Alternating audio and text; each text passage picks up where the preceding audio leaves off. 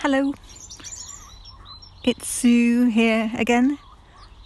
Um, I'm sitting out in our garden right at the back, little place tucked just against the hedge in the back, which is the last part of the garden to catch the sun at the end of the day.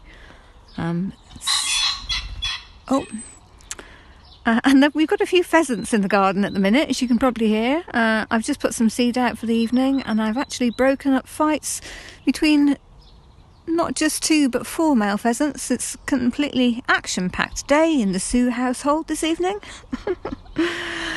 um, and my cat Lucy's come to sit beside me as well, so it's um, nice space. I might be talking a bit quietly actually because I'm not sure if the neighbours are out in the garden behind me and uh, might think I'm a bit nuts talking to myself. But there is a reason that I'm out here in the garden, which I shall come to in a in a little while. Anyway, it's day two, and I have been thinking about distractions. And I wanted to share why I've decided that some distractions are bad and I need to stop them and why I've also decided that some are probably not really distractions at all, and I want to stop feeling guilty about them. I've been thinking about this topic because I worked out this afternoon that it's been six months now since I closed my business, which means I spent what feels like, to me at least, a long time not really doing very much. Oh, here comes another cat. Here comes Joey walking up the lawn. And Lucy's about to chase after him. like I said, action packed in the garden today. Anyway, given that it's uh, not so long since even a one week holiday from work was a really big thing, A, I'm having a complete guilt trip about the time ticking away, and B, it makes me feel quite down sometimes to get to the end of a day look at the bright red fridge magnet in our kitchen that says, May you live every day of your life, and think, What did I actually do today? There's a poem I like by Mary Oliver called The Summer Day. And at the end, she says, Tell me, what is it you plan to do with your one wild and precious life? And answering with, well, today I cleaned one room of the house really well. Feels a bit rubbish. Even if I did, hoover under the beds and wipe the skirting boards. I'd like to feel I've done something each day that matters. Something that makes my heart happy. So that means that first of all, I need to cut out the bad distractions. And I've decided a bad distraction is something that takes up time and energy and leaves me feeling bad afterwards. This can include eating an entire packet of chocolate biscuits or my own body weight in soda bread covered in butter and jam, both of which I've done this week. And before you tell me that doesn't take up time and energy, how about I tell you that I got into the car and drove 10 minutes to the nearest shop and 10 minutes back again purely to buy whichever sugar and carbs shouted the loudest. My very worst bad distraction, though, is the internet. Now, I know the internet can be a very helpful thing if you're, you know, maybe researching what the heck you want to do with the next 15 years of your life. But if, like me, you are also the world's worst procrastinator and will very happily push the too difficult things down to the bottom of the list given any excuse, it can also be very bad. And I hereby confess that I can waste a good couple of hours, or probably plenty much more, every day on a combination of looking at houses on Rightmove when I'm so sentimental about living in my great grandmother's house that I'm never ever moving, and I'm reading online news, which, let's face it, is plain depressing and makes me upset and angry, is not good for my head, and is a waste of time. So, sugar or internet binges are hereby out. You're my witness.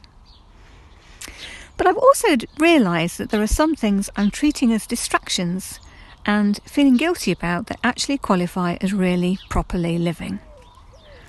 And that's why I'm sitting out here in my action packed garden to record this one. Because up to now, I've been feeling really guilty to be out here.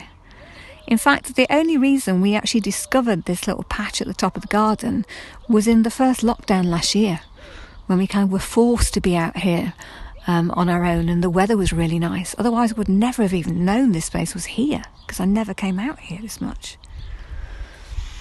So, why have I been feeling guilty? Because time was I should have been working.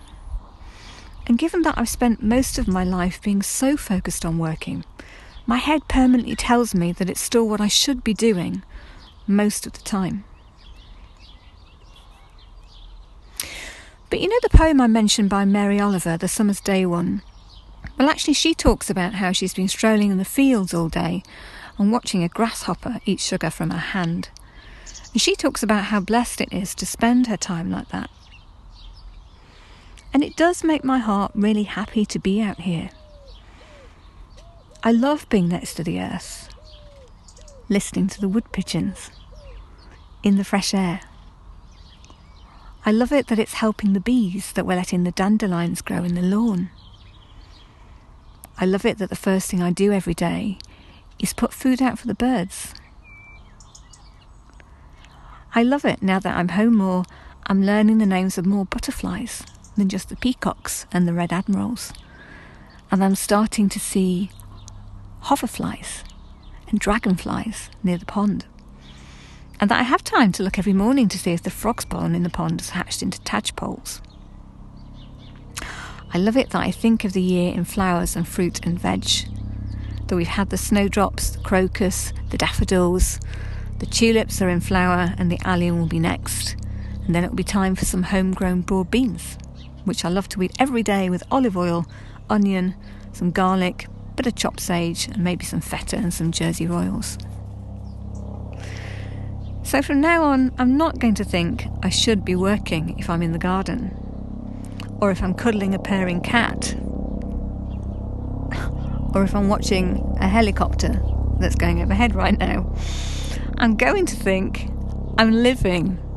How lucky am I to be able to have time like this? And I'm going to make sure I notice the things I love and tuck them away in my brain somewhere to start cogs turning. Who says work needs to be a regular work all hours type job anyway? Who says I shouldn't try to make a life for myself that means work all winter, take time out in the summer? Or work part time? What are the other unhelpful beliefs I've got stored away about what work should or shouldn't be, and what new possibilities could open up if I stop those things taking up my headspace. Do you know, I really feel like that helicopter is competing with my airspace right now. I hope you can still hear me. So, those are my day two thoughts. If you like fresh veg, try the broad bean thing, it's delicious. In the meantime, I wonder how you'd answer my questions about distractions. What are the things that take up your time and energy and leave you feeling bad? Maybe you've stopped some of them already. And what are the things you think of as guilty pleasures or distractions that actually make your heart happy and don't deserve to be labelled as guilty at all? What beliefs do you have about what or how work should or shouldn't be, or can or can't be?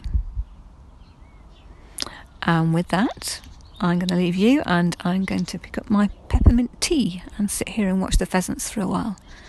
And um, I look forward to talking again tomorrow. Take care.